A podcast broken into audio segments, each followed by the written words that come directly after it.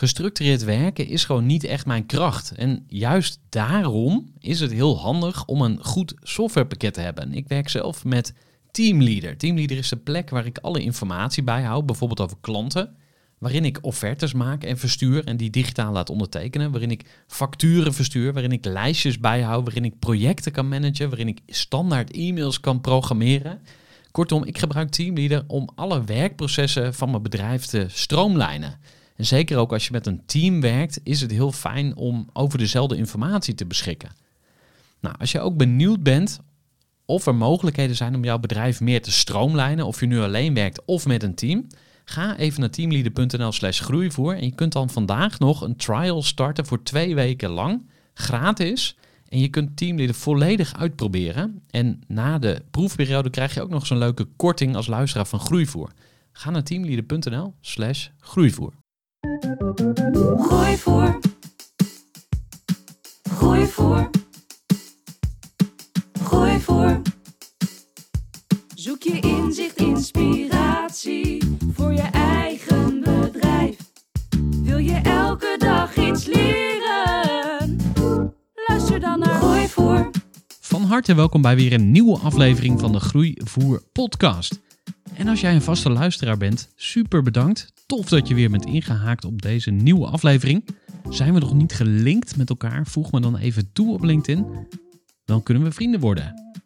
Hoogste tijd om naar de inhoud te gaan, want in deze aflevering ga je luisteren naar een gesprek dat ik had met Mark Lagewaard. Hij is oprichter van Crowdabout Now samen met zijn compagnon Volkert. Crowdabout Now is een crowdfunding platform. En wat is crowdfunding? Nou, dat weet je waarschijnlijk wel. Maar als ondernemer heb je soms geld nodig om een start te kunnen maken met je business of om te kunnen groeien.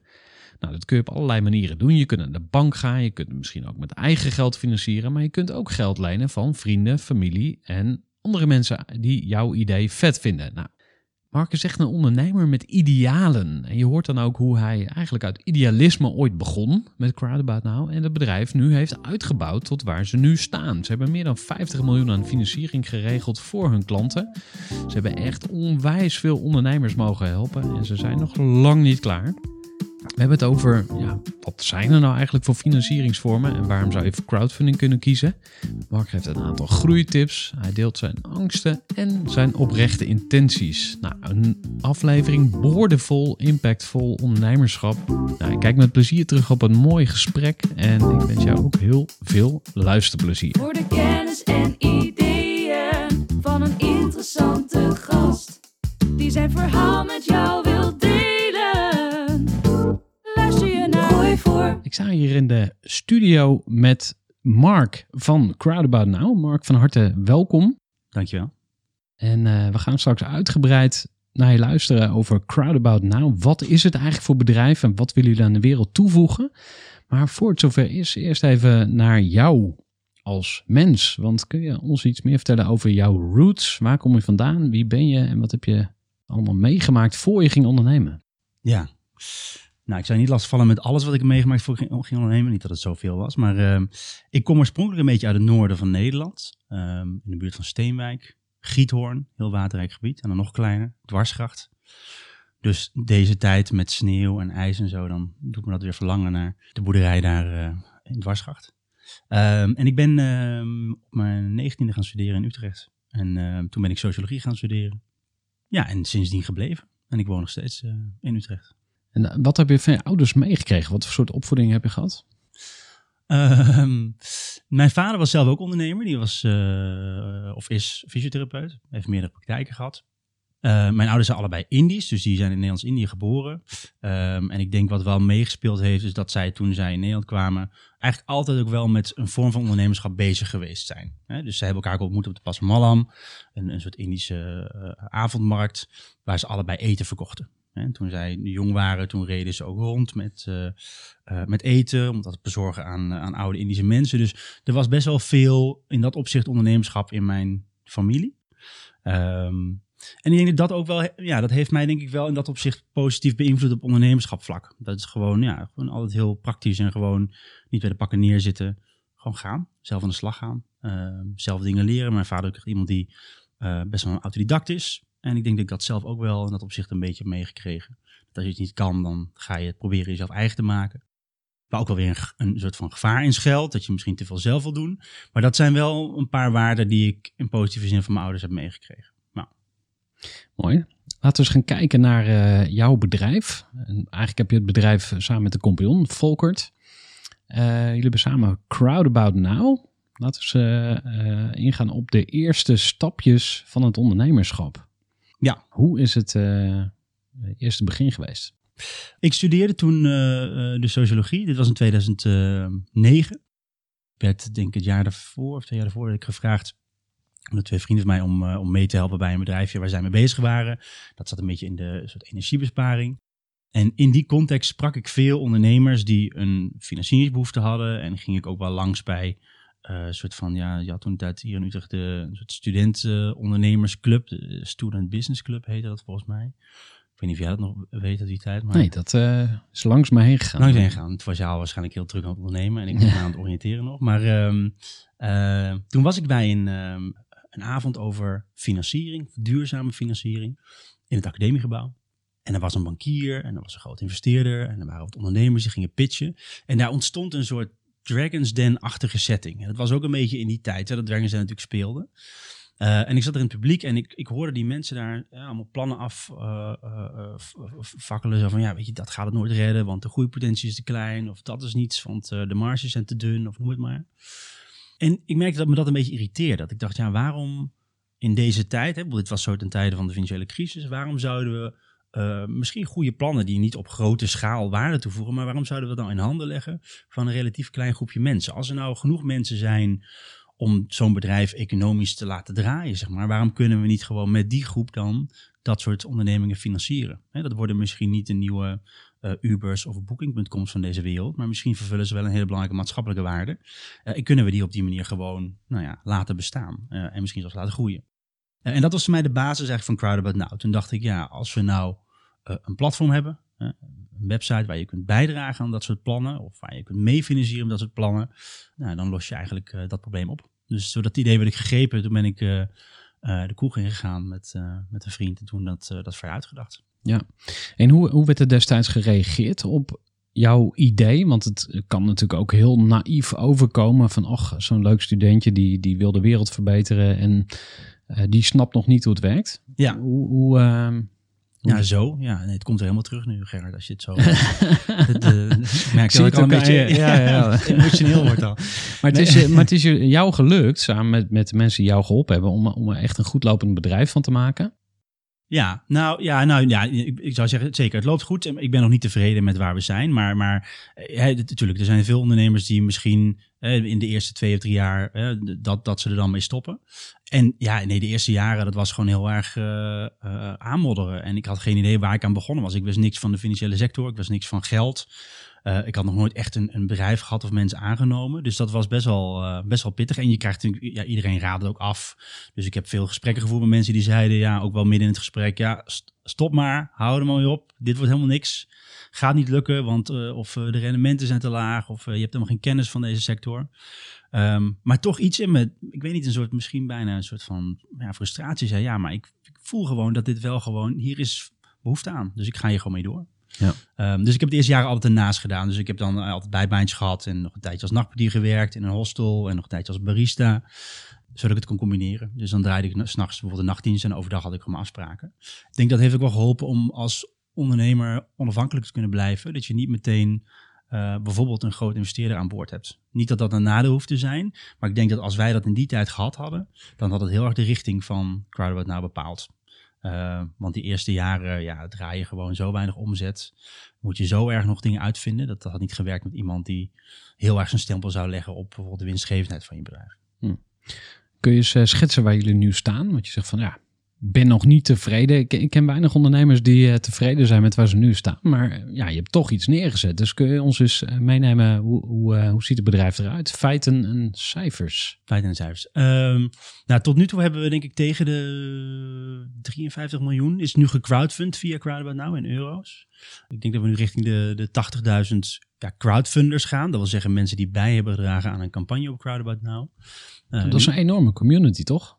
Er Eh, zitten 80.000 mensen. eh, op- Ja, dat, dat is een Oké. leuke eh, ja, middelgrote stad, zou ik zeggen, in Nederland. Hè. Ehm, maar we moeten wel bij zeggen, dat zijn natuurlijk niet mensen die per se georganiseerd zijn rondom Crowdabout Now. Hè. Dat zijn mensen die natuurlijk mee hebben gedaan omdat ze nou ja, hier in, in de 3 meter bier wilden bijdragen. Omdat ze behoefte hadden aan een bierwinkel hier in de straat. Of eh, in Tappelijk Gist. Of eh, in uh, Proefelijk Almout in Groningen. Of misschien in eh Visie hypotheken. Dus dat zijn niet mensen die, die specifiek rondom Crowdabout Now hangen. Maar die specifiek mee hebben gedaan omdat ze in dat plan geloofden. En daaraan bij wilden dragen. Dus dat is wel even een belangrijke nuance. Verder is het zo dat we nu denk ik tegen de 950 succesvolle campagnes zo hebben gedaan. Ehm, en voor je begrip ongeveer 80% van de campagnes die je start, die slaagt.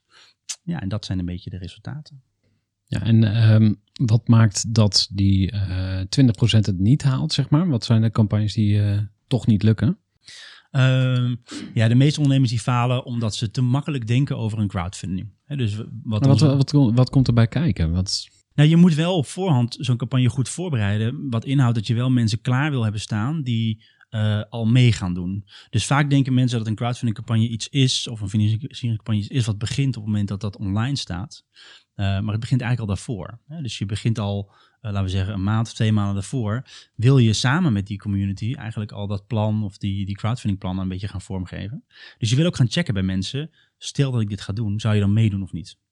En ik zie bij de campagnes die het niet halen, is vaak toch het geval dat ze te makkelijk denken: ach, ik heb zo'n geweldig plan. Als het helemaal online staat, dan loopt het wel vol. En dat gebeurt eigenlijk nauwelijks. Hè? Dat is ook wel een beetje misschien de. Ja, hè, wat, wat je op Kickstarter of, of meer de ja, soort van innovatieve productachtige platforms ziet. eh, of de beleggersplatforms, waarbij de rentes zo hoog zijn dat het gewoon een super interessante beleggingskans is. Daar lopen campagnes soms ook gewoon heel snel vol, ongeacht wat het plan is.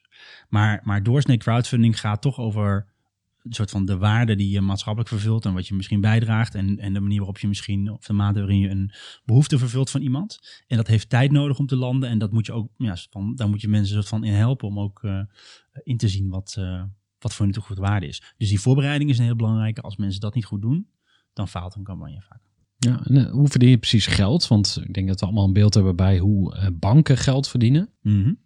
Maar jullie zijn veel idealistischer als ik je zo eh, beluister. Mhm. Heb je ook een winstdoelstelling? Of hoe, hoe zit eigenlijk het verdienmodel in elkaar? Wij, ehm, wij verdienen een percentage en, en, en dat is eigenlijk opgesplitst uit een deel dat we vooraf eh, eh, in rekening brengen. En bij succes, vooraf be- bedoel ik voordat de campagne live gaat. Eh, en bij succes eigenlijk als het bedrag bij elkaar is gebracht. Dus het is een soort no-cure, less-pay eh, model. Eh, en gemiddeld hè, rekenen we dan 1% vooraf. En dan ergens tussen de 6 en 8% wat we bij succes rekenen over het opgehaalde bedrag. Even afhankelijk van wat voor soort financiering het is. Hè, Of het een lening is, of aandelen, of voorverkoop, wat we ook doen. Eh, en dat is eigenlijk ons verdienmodel. Dat is, eh, ja, dat is het enige waar we aan verdienen. Ja, en ehm, eh, als je nou kijkt naar de, de klanten die bij jullie komen, zijn er mensen die eh, worden afgewezen bij de bank of kiezen die heel bewust voor om niet bij een bank te gaan? Of eh, wat, wat, ehm, wat kan je er dan nog meer over zeggen? Over dat Ja. Ze kunnen nergens anders meer terecht. En dan, dan, dan, dan walen ze over straat. En uiteindelijk weten ze ons te vinden. En dan gaan we ze financieren. Nee, ehm, kijk, er was een tijd, hè, toen, toen wij begonnen in 2008 eh, of 2009. ehm, ja, toen was, lag de hele financieringsmarkt in dat opzicht op zijn gat. Hè. De banken financierden gewoon heel weinig. En toen merkte je wel dat elke alternatieve financier eh, eigenlijk een oplossing bood voor eh, nou ja, ondernemers die nergens anders gefinancierd konden worden.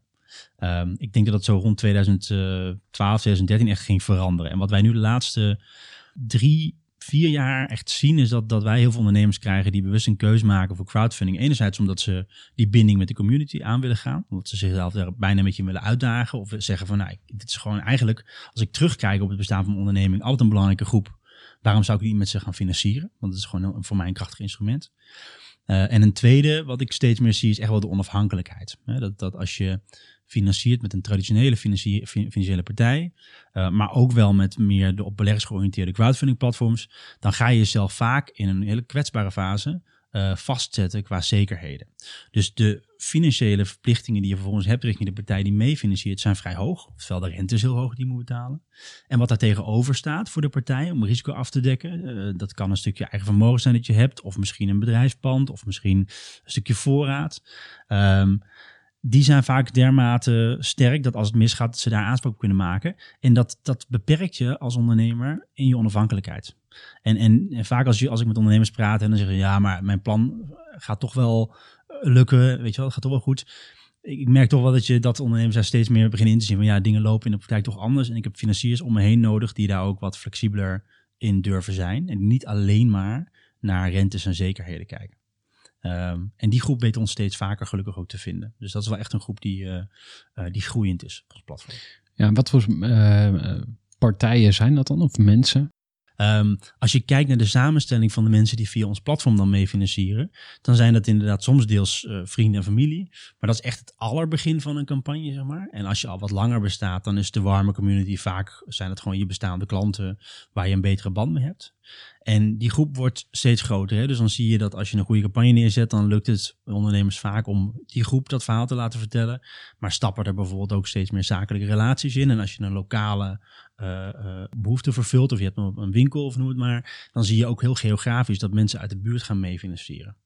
Uh, nou ja, dat is iets wat, wat je nu ook steeds meer ziet op ons platform. Ja, weet je, nu de economie, de reële economie een beetje stilstaat. Je ziet er een enorm behoefte is voor mensen om juist daaraan bij te willen dragen. Om te zeggen, ja, ik vind het gewoon wel belangrijk dat dit of blijft bestaan of dat die ondernemer door kan groeien. Dus dat is ook voor veel mensen in zo'n crowdfunding een interessante groep om aan te spreken. Dus ja. Even een korte onderbreking met een belangrijke vraag aan jou. Want wat heb jij geregeld voor het geval je van de ene op de andere dag zou komen uit te vallen? Wat gebeurt er dan met je bedrijf, maar vooral wat gebeurt er met jou persoonlijk en ook in financieel opzicht? Samen met ASR voerde ik drie openhartige gesprekken over tegenslag en veerkracht. En dat deed ik met Saskia, Vincent en Pieter. Ondernemers met een bloeiend bedrijf die van de ene op de andere dag niet meer konden werken. En die verhalen hoor je in aflevering 256, 257 en 258 van deze podcast. Als ondernemer wil je natuurlijk niet uitvallen. En daarom is het belangrijk dat je veerkrachtig bent, want voorkomen is beter dan genezen. En als het dan toch misgaat, is het fijn dat je iets geregeld hebt, zodat je weer snel door kunt met ondernemen. Wil je weten hoe veerkrachtig jij nu bent? Vul dan in twee minuten de veerkrachttest van ASR in. Ga naar asr.nl/slash veerkrachttest ondernemers. Wat zijn mooie bedrijven die je recent hebt mogen helpen financieren? Um, nou, ik, ik vond Visie, hè, dus een hypotheek uh, vond ik een hele interessante. Omdat Hoe schrijf je dat ook alweer? Uh, V-I-I-S-I. Um, dat was een heel interessante, omdat dat echt een, een atypische campagne was. vaak denk je bij, bij zo'n type bedrijf dat ze wel ergens achter gesloten deuren een grote investering gaan ophalen. Maar wat zij, zij uh, deden was eigenlijk, ja, weet je, we hebben een heel betrokken team. Die gaan we betrekken bij die crowdfunding. Uh, hun netwerk, we gaan onze klanten betrekken. En dat was een gewoon hele nou ja, maat succesvolle campagne. Ze hebben voor mij bijna 9 ton uh, opgehaald. Terwijl ze uh, 5 ton nodig hadden. Tussen de 5 ton en 1 miljoen. Um, dus dat vond ik een hele interessante, succesvolle campagne. Er zijn er gewoon heel erg veel. Ik denk dat er zo nog wel een paar te sprake komen gaandeweg. Er schieten er nu heel veel in mijn hoofd. Maar ik denk dat visie voor mij nu wel de, campagne die in ieder geval de laatste weken soort van het meest is achtergebleven. Uh, ja, hey, en um, misschien is het goed om, om naar jouw uh, drijfveren te kijken als ondernemer. Want ja, je bent tijdens je studie begonnen. Toen was je ook al idealistisch gedreven. Wat wil je eigenlijk met Crowdabout nou veranderen aan de wereld? Ja, dat is een goede vraag. Um, ja, je hebt ook sociologie gestudeerd, hè? Ja, ja. Dus dan ben je, ja, goed, nou, misschien dat we qua idealen dat we elkaar wel gaan ontmoeten ergens, of niet. Ja, gewoon heel veel geld verdienen. Dat, dat is het natuurlijk, ja. Voor mij zeker. Ja. dan kan dat hand in hand gaan volgens jou of niet? Um, nou, heel veel geld verdienen denk ik niet. Nee, maar dit is natuurlijk een, een relatief vraagstuk. Wat is heel veel? Wat is heel veel? Um, nou ja, heel veel is denk ik op het moment dat je zoveel verdient dat je jezelf daarmee gaat afzonderen van, van, de, van de realiteit. Of wat, wat ik dan noem de reële economie. Hè? Dat je dus gewoon in je bubbel gaat leven en niet meer de verbinding aangaat met mensen in je directe omgeving. Omdat misschien het bezit van vermogen uh, door anderen als uh, bijna als soort van gevaarlijk of zo wordt gezien. Hè? Mensen denken hij is zo rijk, ik moet dat van hem proberen af te pakken of noem het maar. Ik denk dat dan raak je de binding maar kwijt, dan, dan verdien je denk ik te veel.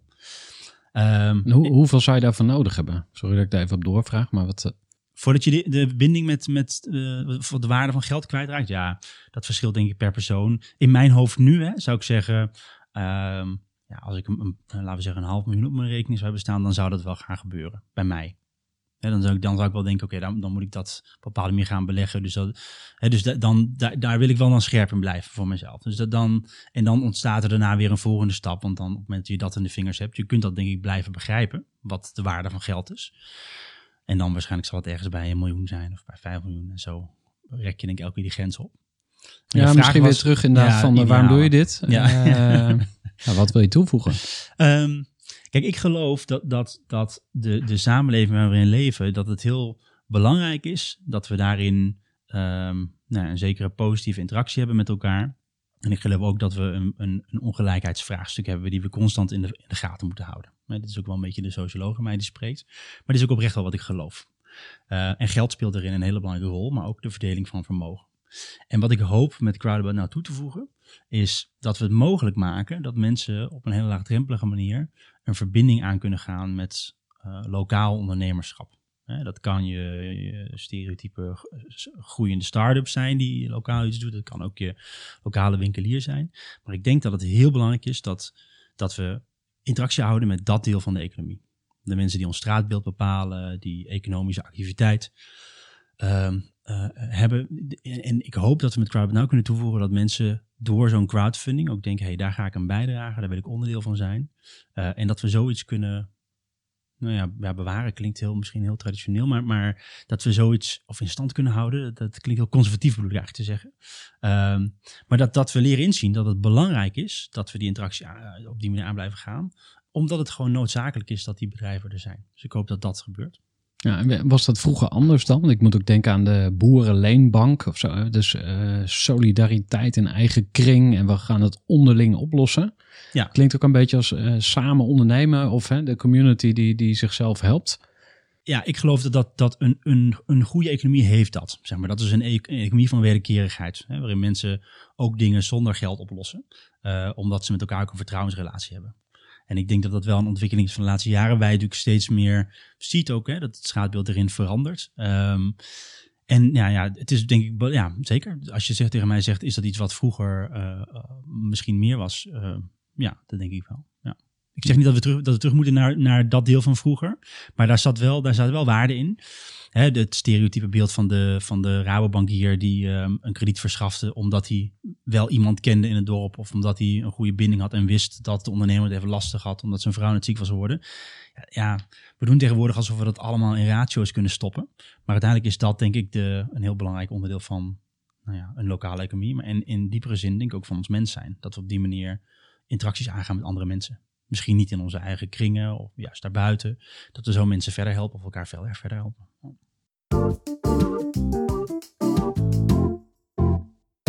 Wanneer is eh, geld lenen een goed idee en wanneer is het geen goed idee?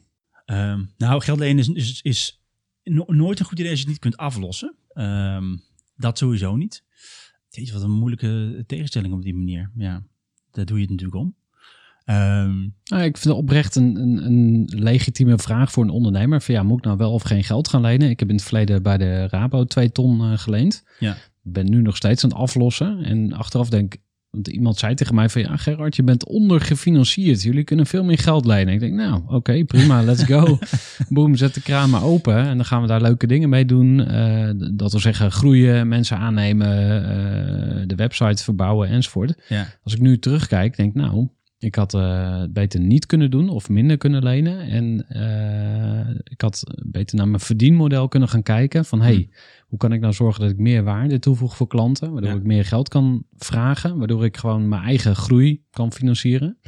Dus ik kan me voorstellen dat voor jullie eh, als, als platform ook mensen voorbij komen. Waarvan je denkt van, hey, volgens mij moet je geen geld gaan ophalen bij je vrienden. Want je gaat het nooit terugverdienen. Ehm ja, punt. Nee, zeker. Nee, nou, dan is het nooit een goed idee. Maar kijk, wij krijgen ondernemers die het soort ondernemer ehm, eh, zoals jij dat was of bent, of misschien heb je ervan geleerd, dat weet ik niet. Misschien, misschien moet je er niet van leren. Maar dat je gaat lenen omdat het kan, dat lijkt me nooit een heel verstandig idee. Hè, dat, lijkt me nooit verstandig financiering op te halen omdat het kan. Ehm, maar goed, er zullen heel veel mensen mij hierin tegenspreken, maar dat is mijn persoonlijke overtuiging. Ehm, omdat je dan ook niet weet wat je verder gaat toevoegen met dat geld. Maar de reden dat ik even dat ik het een moeilijke vraag vind is ook omdat je kunt hem natuurlijk tegenover een aantal dingen zetten. Hè? Je kunt hem zetten tegenover niet lenen, oftewel niet financieren. Je kunt hem ook zetten tegenover op een andere manier financieren of op een andere manier groeien. Daarom dat ik hem niet zo één op één kan beantwoorden van waarom, wanneer zou je wel of niet zou lenen. Uh, waarom zou je wel of niet lenen.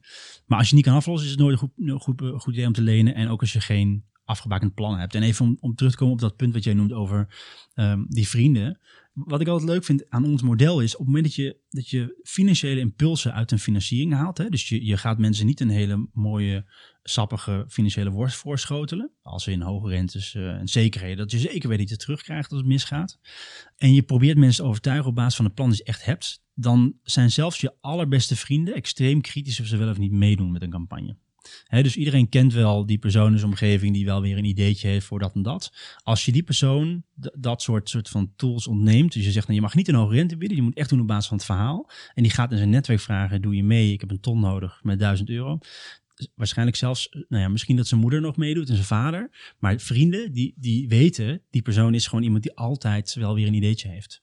En dit is voor ons ook een hele belangrijke check. Hè? Dus, dus dat is wat wij ondernemers ook altijd vragen. Van, heb je wel eens in je eigen omgeving gepeld. Als je dit zou doen, of mensen mee zouden doen of niet. En daar zit een hele waardevolle check in. En zeggen mensen, ja, maar mensen omgeving zijn toch geen uh, ervaren business coaches of ervaren ondernemers. Nee, dat klopt, maar ze kennen jou wel. Ze weten wel dat jij toevoegt of niet. En natuurlijk gaat het niet voor ieder ondernemer op. Um, maar als je gewoon een slecht plan hebt, dan gaan, gaan, heel vaak je eigen vrienden willen ook niet mee financieren. Um, en de andere kant op is, als je nou een plan hebt dat potentieel heel succesvol is en heel veel waarde toe gaat voegen, maatschappelijk en financieel, wie zou je dan willen dat daarvan profiteert? Wil je dan dat het een anonieme financier is? Of wil je dat het iemand is die dichtbij je staat en die ook naast je heeft gestaan op het moment dat je aan het opbouwen was? Dus dat is ook wel een soort van, nou, ik denk, dubbele wederkerigheid die we met dit soort crowdfunding toevoegen. Gooi voor. Groeiclub. Ja, je zit nu lekker te luisteren naar Mark. En als je denkt, nou, ik zou die Mark wel wat beter willen leren kennen, dan is het misschien leuk om een keer langs te komen bij de Groeiclub voor ondernemers. En wat doen we daar? Wij helpen elkaar groeien in de breedste zin des woords. Dus persoonlijke groei, aan jezelf werken als ondernemer, maar ook het laten groeien van je bedrijf. En natuurlijk kun je het ook allemaal zelf doen in je eentje, met je eigen wijsheid. Maar hoe cool is het als je samen met andere ondernemers kan groeien? Als je gewoon altijd een groep mensen om je heen hebt waar je terecht kan om even te sparren, om jezelf beter te maken en gewoon ook samen op te trekken. Nou, mocht je het leuk vinden om een keer langs te komen bij de Groeiclub voor Ondernemers, je kunt woensdagochtend om half tien inbellen via Zoom. Het enige wat je hoeft te doen is even een mailtje te sturen naar info.groeivoer.nl. Dan stuur ik jou een link waarmee je een afspraak kan boeken. En dan zien we elkaar binnenkort. En misschien is Mark dan ook. En nu snel weer terug naar Mark van Crowdabout Now. Luister lekker verder naar Gooi voor. Laten we eens gaan kijken wat je allemaal meegemaakt hebt bij jouw reis als ondernemer. Wat zie jij als je grootste blunder? Um, het zijn er wel heel veel. Nou, toen wij begonnen, toen hebben wij best wel uh, heel veel geld uitgegeven aan dure advocaten. waren heel onzeker. de dure Zuidadvocaten. Echt van die mensen die, ja goed, ik wil, moest ook niet framen, maar die kostte inderdaad honderden euro's per, uur. En die gingen dan mee, weet je, aan een APM, Nederlandse bank, op, hoge poten en dan daar vertellen van ja, ze hebben geen vergunning nodig, want dit en dat. En achteraf, um, en dat hadden we ook met de IT-partij bijvoorbeeld, hè, dan werkte samen de IT-partij en het kost zo veel geld. Achteraf uh, had je dat veel beter zelf kunnen doen. Had je veel beter zelf in gesprek kunnen gaan met de autoriteit. Dat je veel beter zelf het voortouw kunnen nemen in een IT-proces dan dat je jezelf afhankelijk maakt van derden. Um, waar ik het over had, die zelfredzaamheid of een beetje die dat je een beetje autodidact bent als ondernemer, is denk ik op zichzelf een goede eigenschap. Als je maar ook aanvoelt wanneer je uh, misschien niet ergens goed meer bent. Maar dat is wel een grote blunder. Heel veel geld uitgeven aan dure advocaten, uh, dure IT-partijen. Toen. Nu zou het wel weer kunnen, weet je, maar toen was dat een, uh, een grote blunder. Ja. En wat, um, wat, wat, zie je als, je, als jullie grootste tegenslag? Als je echt gewoon een dikke vette pech had? Ja, ja, dat vind ik echt lastig om te zeggen. Er zijn veel tegenslagen geweest. Um, ja, nee, heeft jou nou, geraakt? Um, nou ja, kijk, er gaan wel eh, uit je team gaan natuurlijk mensen weg, maar. Hè. Uiteindelijk, toen wij begonnen met Crowdfunding, had ik uiteindelijk een team van acht mensen om me heen verzameld, hè, waar ik bijvoorbeeld één van was. En daar zijn eerst, want die gingen er, gingen er twee van weg. Toen nog een keer drie andere. En dat zijn wel gewoon, ja, dan moet je wel even weer herijken, zeg maar. Van wat, wat je zelf wel of niet wil. Dus dat, dat zijn dan dat op zich wel tegenslagen. Ehm, ja, een, een eh, COVID hè, van corona is zeker ook een tegenslag. In die van dan moet dat je gewoon weer moet gaan heruitvinden wat je aan het doen bent. En, en dat is heel veel, en dat vind ik veel zwaarder eigenlijk, dat je, dat je klanten het gewoon heel moeilijk hebben. Hè? Dat veel ondernemers het nu gewoon heel lastig hebben. eh, Vanwege een reden waar ze zelf niet zo heel veel aan kunnen doen.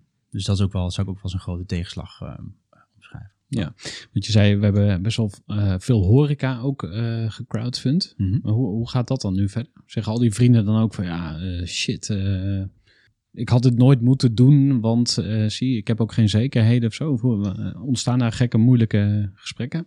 Nou, wij hebben als Crowd nou altijd de keus gemaakt om mensen, maar goed, dit klinkt ook wel eens een beetje een gelijk marketingverhaal, maar om mensen zo open mogelijk mee te nemen in wat risico is. En ik heb ook in dit, meerdere blogs en, en, en dingen geschreven over hè, wat de risicoperceptie is. En, en Leg maar je- uit, wat is het? Nou ja, kijk, je- ik vind je moet mensen eh, eh, meenemen in dat als je eh, het, het MKB, daar bestaan altijd reële gevaren in.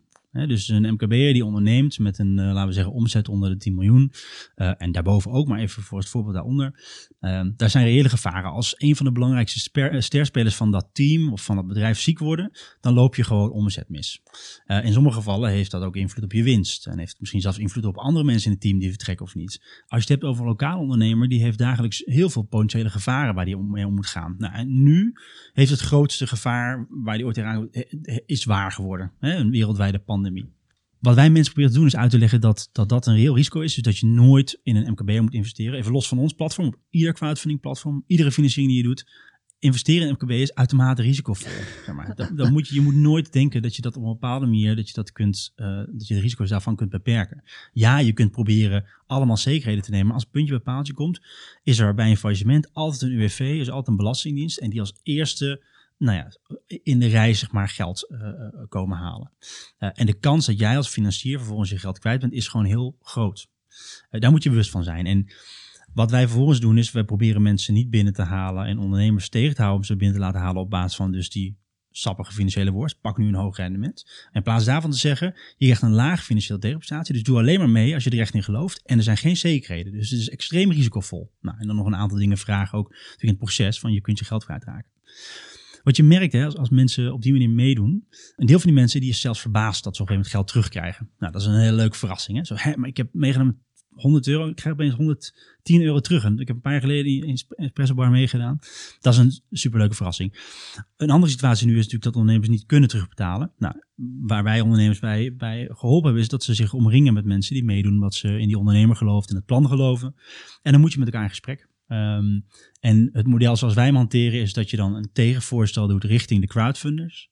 Ehm, waarbij je bijvoorbeeld aangeeft, wil je later aflossen of vind je het goed later aflossen of eh, het omzetten in een gift een goedbon.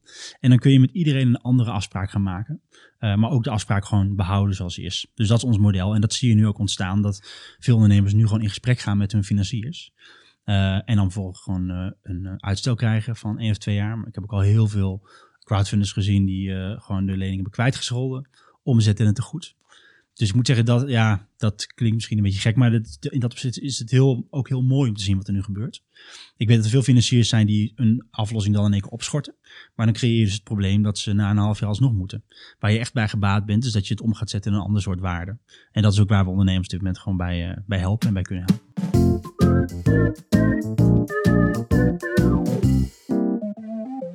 Gaan eens eh, nog wat dieper graven in jouw eh, ondernemerschap. En waar, waar krijg je nou echt stress van? Ja, ehm, ik vind het wel lastig, merk en ik raak wel in stress als ik heel veel ballen moet hoog houden. In de zin van als ik op verschillende afdelingen actief ben in verschillende lagen. Wat je nu ziet hè, met een team van, van zo'n 12 en groeiende. Dan zie je dat je de hele weerbarstige praktijk hebt. Gewoon van ondernemers spreken en bellen of gewoon hele praktische dingen doen, zoals mails beantwoorden. Naar het niveau waarin je soms functioneringsgesprekken hebt met mensen. Naar het niveau dat je misschien uh, de strategie van een afdeling gaat meebepalen. En vervolgens ook nog naar buiten gericht bent. Dus bijvoorbeeld een podcast uh, bij Gerard uh, opneemt. Of een interview doet of noem het maar. En ik merk als er heel veel van dat soort dingen door elkaar lopen. En ik mijn focus verlies, dan raak ik in de stress. Um, als in dan, dan heb ik niet, kan ik niet meer goed op de dingen die ik echt belangrijk vind, de juiste aandacht stoppen. Is, is crowdfunding al mainstream? Zou het willen worden? Um, ik, ik, ik hoop dat we inzien dat dit soort crowdfunding, hè, en, en met ons zijn er nog meer platforms die op dat campagneaspect aspect zitten. Hè. Kijk naar voor de kunst, wat ik een heel mooi voorbeeld vind van een goed Nederlands crowdfunding platform. Ehm, voor de creatieve sector, hè, of voor je buurt, die dat op buurtniveau doet, buurtinitiatieven.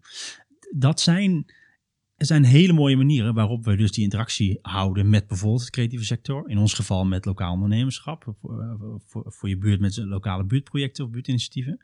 Ik hoop dat we snappen dat het hè, bank, dat bankair financieren in dat geval, uh, dat dat een tijdje een hype was. Um, en dat eigenlijk dit de enige manier is waarop we kunnen financieren. Dat we die binding gewoon houden met die omgeving. Dat we snappen waar het geld heen gaat. En dat we dat bijna een beetje moeten bewaken. Omdat het economisch gewoon gezond is om op die manier je economie te laten draaien. Zodat mensen zien waar ze in investeren, zien waar het geld heen gaat. Dus um, ik weet niet maar, meer. Ja, ja, ja maar, maar, en, en um, mijn volgende vraag was: uh, denk je dat je ooit overgenomen wordt door bijvoorbeeld een Rabobank of een andere grootbank?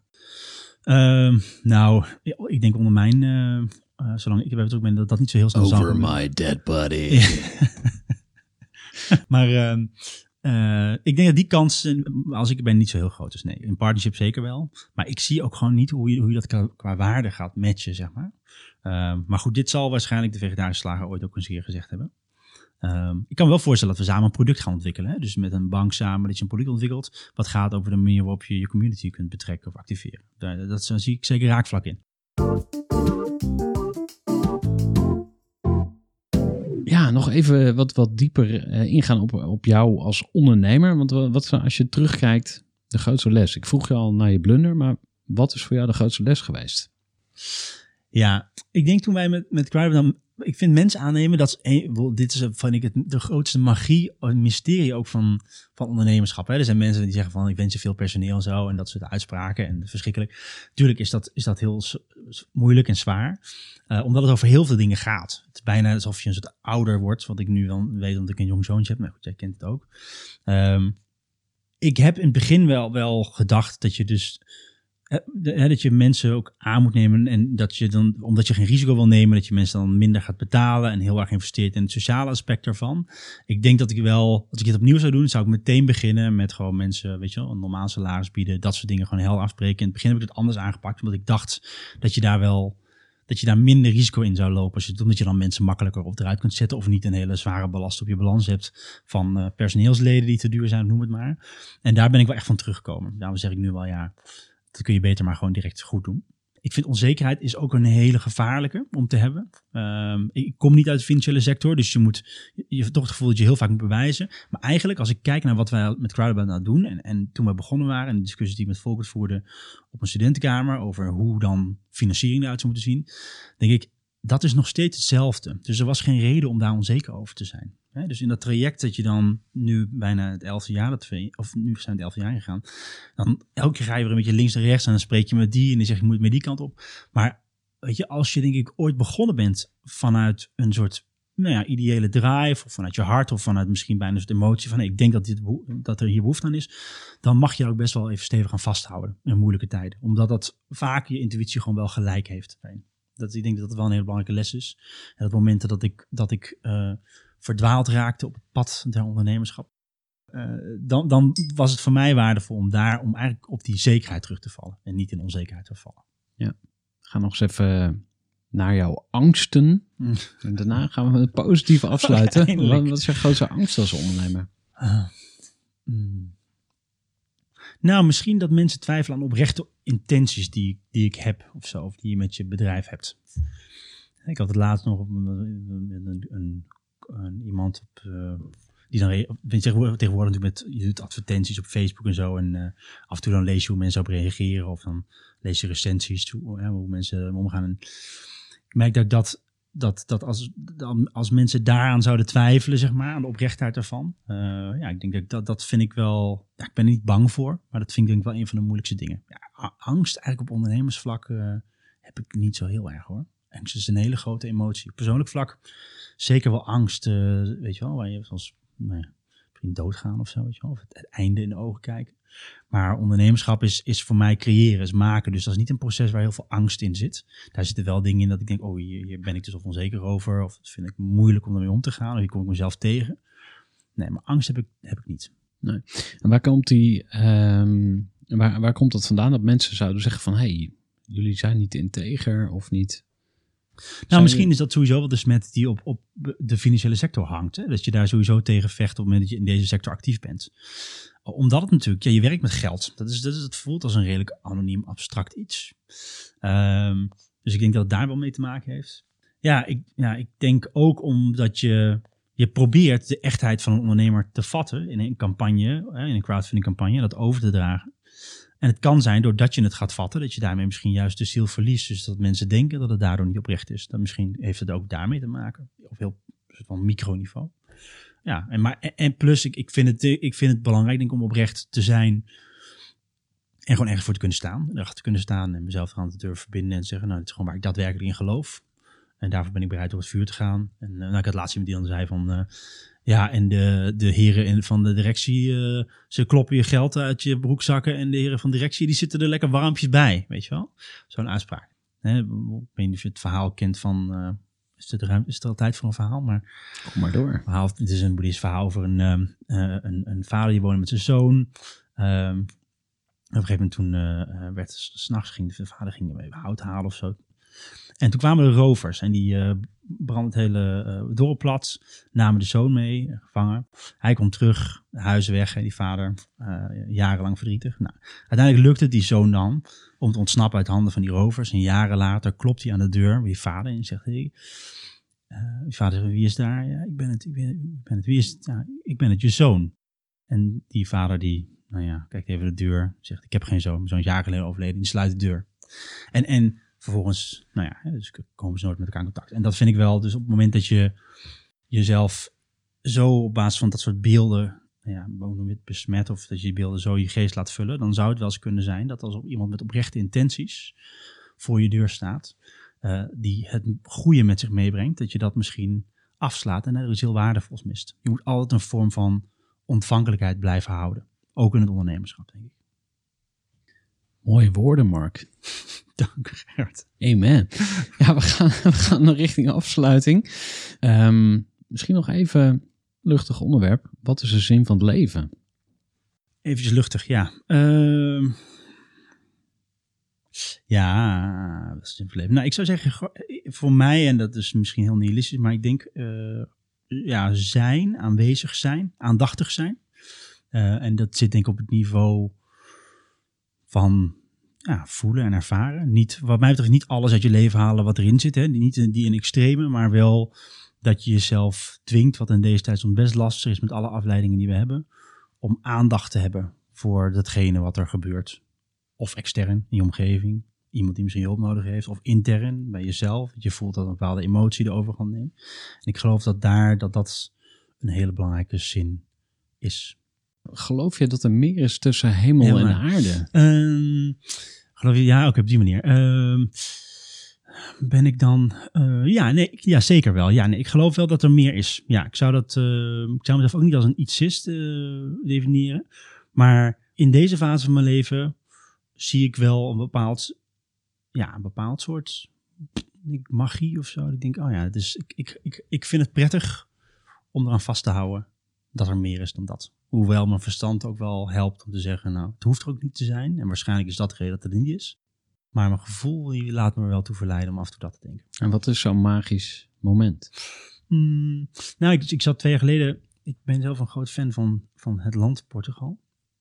Ik denk ook omdat het een heel divers land is. Maar, maar daar was ik op een. eh, ik vind het leuk om in mijn eentje door een stad te wandelen. En een eentje ergens te gaan zitten. Ik, ik, kan me heerlijk zelf afzonderen. Dat is iets waar ik erg van geniet. En toen stond ik uit te kijken over, een, eh, over de stad, eh, over Lissabon. Dus één plek nou ja, ik zelf waar ik, aan te komen, waar ik gewoon uren kan zitten om gewoon even te aanschouwen hoe misschien het leven mij voorbij trekt. En toen ik daar zat, toen was dat zo'n moment dat ik bij mezelf voelde, oh ja, dit is, weet je, de, de mens, ja, er kwamen veel dingen samen. Ik dacht, oh, dus de mens is misschien inherent goed. Het gaat door, er is een soort van, weet niet, mensen zijn allemaal op zoek naar toch allemaal zelf hele positieve waarden. Daar ontstond dus het magie dat ik dacht, oh, dit is, het is goed, zeg maar. Het is goed zoals het zo is, zoals het nu is. Ik moest een beetje denken aan, aan uh, Wiardi Beckman, een uh, oude socialist, de bekroonde uh, of de gedroomde opvolger van, uh, van de Socialistische Partij in de jaren 40. Maar uiteindelijk is hij in, volgens mij Dachau of zo overleden, aan de Flectivus, 43.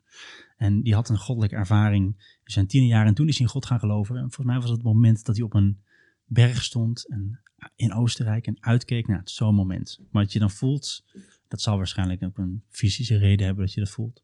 Dat je voelt dat alles even goed is. En dat je bijna niet kan ontkennen dat er iets is meer dan jezelf of datgene wat je ziet of ervaart. nu wordt Dit ging over ondernemerschap, deze podcast. Ja, ja nu, nou, Dat, dat, zou, dat zou een volgende vraag kunnen zijn. Heb je het gevoel dat je dat soort dingen ook kwijt kan in je bedrijf? Of dat een spirituele laag is in, in wat jullie doen? Zeker. Ja, want kijk, wij hebben ook denk ik het geluk uh, dat we met heel veel ondernemers mogen werken die met ambacht bezig zijn. Hè? dit is ook een potentieel gevaar. Want misschien als je de massa wil bereiken met een crowdfunding zoals wij het hebben, is dat misschien lastiger. Hè? Als je, als je, we hebben bijvoorbeeld relatief weinig horecaketens. En relatief veel, als je naar horecaondernemers kijkt, onafhankelijke lokale zaken. En als ik het heb over die aandacht, dan is dat daar ook. Hè? Als ik een voorbeeld gebruik van, van goed ondernemerschap, dan, dan is dat voor mij ook de slager die um, de het, zoontje zeg maar, van, de, van de klant een stukje worst meegeeft. En dan kun je allemaal economische theorieën loslaten of marketingtheorieën. Dat je zegt, ja, maar dat doet hij om aan klantenbinding te doen of bla bla bla. Je kunt ook gewoon zien dat een mens of een klein mens het lekker vindt en misschien een moeilijke dag heeft of een goede dag die een stukje worst geeft. Die vorm van aandacht zit ook in, denk ik, heel veel economische transacties. Dus ja, zeker kan ik dat kwijt in, uh, in het bedrijf of in het ondernemerschap. Ja.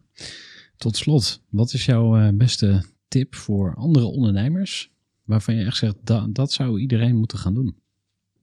Nou, wandelen zou ik met, het, met je team gaan doen. Vind ik erg waardevol. Zelf sowieso, wandelen, dagelijks er even uit. En ik, dit is ook een tip richting mezelf even. Ik denk, oh ja, Mark, dat moet je meer doen. Ehm, ik heb ook best lang gerookt. Ben ik gelukkig nu drie jaar geleden mee gestopt. Uh, verschrikkelijke uh, gewoonte. Maar wat er fijn was aan de gewoonte, was dat je je door het roken verplicht om even buiten je kantoor te gaan staan. En dan naar het kantoor te kijken en dan te denken, wat zijn die mensen daar binnen eigenlijk aan het doen? En wat gebeurt daar eigenlijk, weet je wel? En wat gebeurt hier op straat? En dan ben je opeens een soort van de toeschouwer van, van in, een soort tussenstaat. Dus dat vind ik heel waardevol. Wij doen dat nu met door te gaan lopen. Toen we nog breken, toen we nog met het team samen waren. Um, gaan lopen, dan we rondjes lopen, gewoon in kleine groepjes. Ik denk dat ik dat heel waardevol vind. Natuurlijk kun je allemaal tips geven over zoek goed personeel of uh, zorg dat je liquide genoeg bent of je omringt met uh, onafhankelijke financiers of ga crowdfunden. Maar ik denk op microniveau, ga lopen. Hou ook gezonde afstand tot hetgene wat je aan het doen bent. Dankjewel Mark. Ja, tot zover deze aflevering met Mark Lagewaard. Wil je meer weten over Crowdabout Now en crowdfunding? Ga even naar crowdaboutnow.nl. Wil je meer weten over groeivoer? Ga naar groeivoer.nl. Vond je dit een waardevolle aflevering? Stuur deze dan ook gerust even door naar iemand in je netwerk. Dus ken je een ondernemer die dit zou moeten horen? Dan zou ik het super cool vinden als je deze aflevering doorstuurt. En je kunt natuurlijk ook altijd een review van de podcast achterlaten als je een iPhone hebt, kun je dat gewoon in de native podcast app doen. En heb je geen iPhone, stuur dan even een mailtje naar info.groeivoer.nl en dan krijg je een link terug. En dan als je daarop klikt, kun je daar je uh, verhaal doen. En wat krijg je ervoor terug, behalve oneindige credits en liefde van het universum?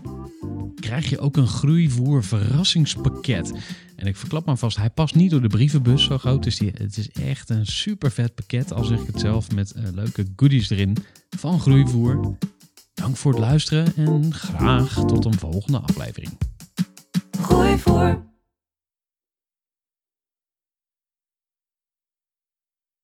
Gestructureerd werken is gewoon niet echt mijn kracht. En juist daarom is het heel handig om een goed softwarepakket te hebben. Ik werk zelf met Teamleader. Teamleader is de plek waar ik alle informatie bijhoud, bijvoorbeeld over klanten. Waarin ik offertes maak en verstuur en die digitaal laat ondertekenen. Waarin ik facturen verstuur, waarin ik lijstjes bijhoud, waarin ik projecten kan managen, waarin ik standaard e-mails kan programmeren. Kortom, ik gebruik Teamleader om alle werkprocessen van mijn bedrijf te stroomlijnen. En zeker ook als je met een team werkt, is het heel fijn om over dezelfde informatie te beschikken. Nou, als je ook benieuwd bent of er mogelijkheden zijn om jouw bedrijf meer te stroomlijnen, of je nu alleen werkt of met een team, ga even naar teamleader.nl slash groeivoer en je kunt dan vandaag nog een trial starten voor twee weken lang, gratis. En je kunt Teamleader volledig uitproberen. En na de proefperiode krijg je ook nog zo'n leuke korting als luisteraar van Groeivoer. Ga naar teamleader.nl slash groeivoer.